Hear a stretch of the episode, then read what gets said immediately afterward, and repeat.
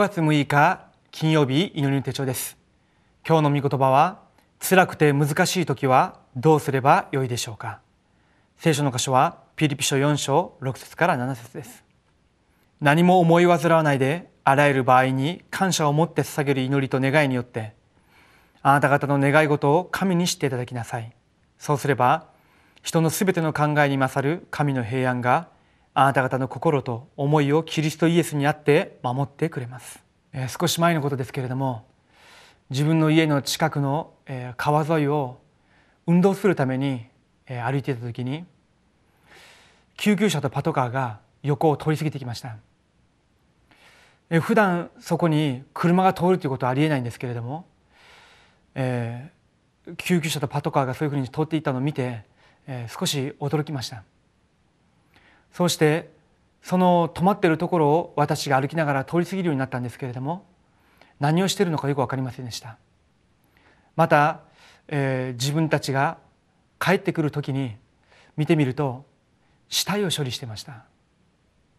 他殺なのか自殺なのかよく分かりません。ですけれどもああこのようにして人が死んでいくんだなそういうふうに思いました。同じ週のことでしたけれども私が夜金曜祈祷会終わった後帰っていく途中にまたその同じ川で一人の人が、えー、その川から救助されているのを見ました。その次の日に私の知り合いの青年から聞いたんですけれどもその川で年間130人以上の人たちが自殺をするということです。3日に1人はその川で自殺しているということです。それを聞いて私自身ショックを受けました。なぜ多くの人たちがそのようにして自殺するんでしょうか？人に言えない悩み。自分で自分自身のその精神状態や環境の問題をどうすることもできなくなった。その時にサタンがその人の考えその人の心理状態そこに働くようになります。すると自分でもコントロールできないで自殺してみたり他の人に危害を加えてみたりそういった事件が起きてしまいます今日辛くて難しい時はどうすればよいでしょうか？というタイトルですけれども日本の現場に私と皆さんの周囲にこういった苦しみを持って生活している人たちがたくさんいます。今日私が少しだけそういった人たちのことを思い浮かべながら伝道スケジュールを立てて今日の御言葉を握って現場に行ってみると本当にこのメッセージが現場のその対象者に回答になるんだなということを体験するようになるかと思います。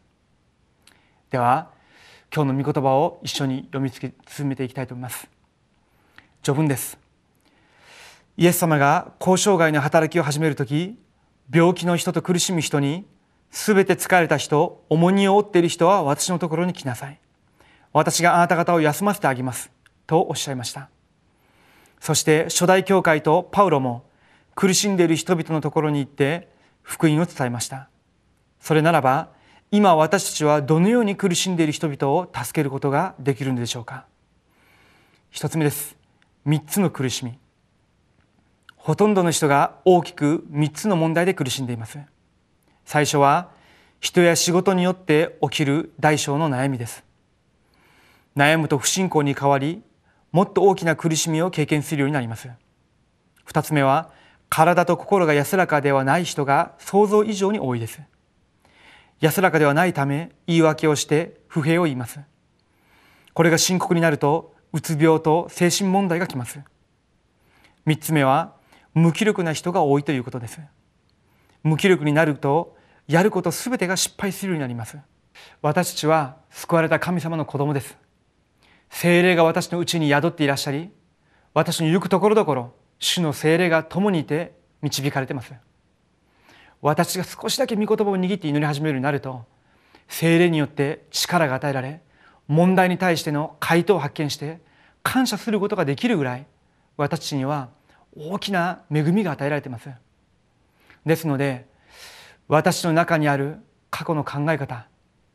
無気力と精霊の導きを受けれないようになるしかない考えや生活霊的な問題それらを全部神様の御前に下ろして自分自身から抜け出して御言葉を握らなければなりませんその時に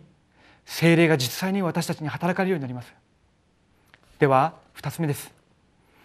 聖書の癒しの方法ピリピ書4章4節でパウロは主にあって喜びなさいと言いましたこれがまさに祈りです。祈る中で喜びと幸せを味わうならば癒され始めます。ピリピ4章5節にはあなた方の寛容な心をすべての人に知らせなさいと記されています。すべての人に寛容になると他の人も生かし自分も生かされる道になります。ピリピ書4章6節から7節には何も思い煩わないで感謝を持ってあなた方の願い事を神に知っていただきなさいと記されています。これは祈りの基準であり癒しの基準です。霊的に安らかでなく無気力な人々が癒されることのできる重要な答えになります。その時神様が私の心と思いを守ってくださいます。では3つ目です。癒しの人生。苦しい時御言葉を握って祈る中で喜びが生まれ悩む時正直に悩みのために祈ったら感謝があふれなければなりません。その時から毎日御言葉が成就して毎日祈りが応えられ毎日伝道の門が開かれることを体験します。その時人生に答えが出て私が受けた答えによって世の中が変わり始めます。そして私に与えられたタラントが発見でき事業経済学業に働きが起き始めます。そのため何事も思い煩わずに感謝を持って神様に心を込めて祈ればよいのです。私が苦しい時辛い時問題にあった時葛藤する時そういった時に本当に講談の御言葉を握ってあるいは祈りの手帳を握って祈り始める時に実際的にああこの問題が私の立場からだけ見れば問題に見えるけれどもそうではなくて神様がこの問題の中に重要な計画を持っていらっしゃったんだな。あこの問題を通しながら神様がこのことを成し遂げようとしていらっしゃったのに私があまりにも考えが狭かったんだな。いろんなことを発見するようになります。その時に出てくるのが喜びだったり感謝です。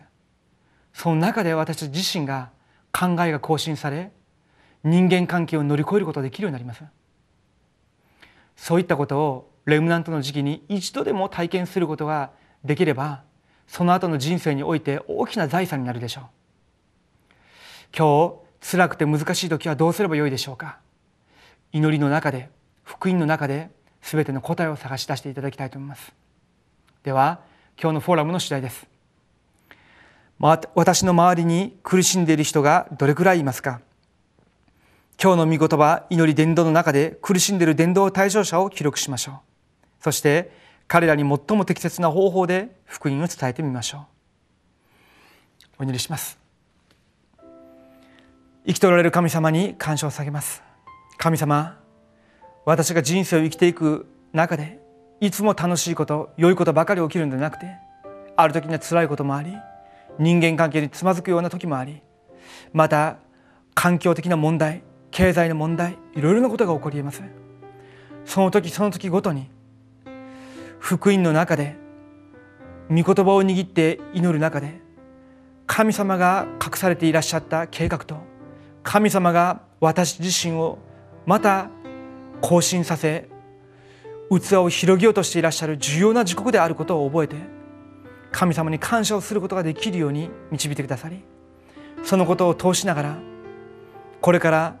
レムナントを生かし日本福音化をする地域を福音化をする重要な伝道弟子として準備されるように神様が導いてください。生きておられるイエス・キリストの皆によってお祈りします。アメン。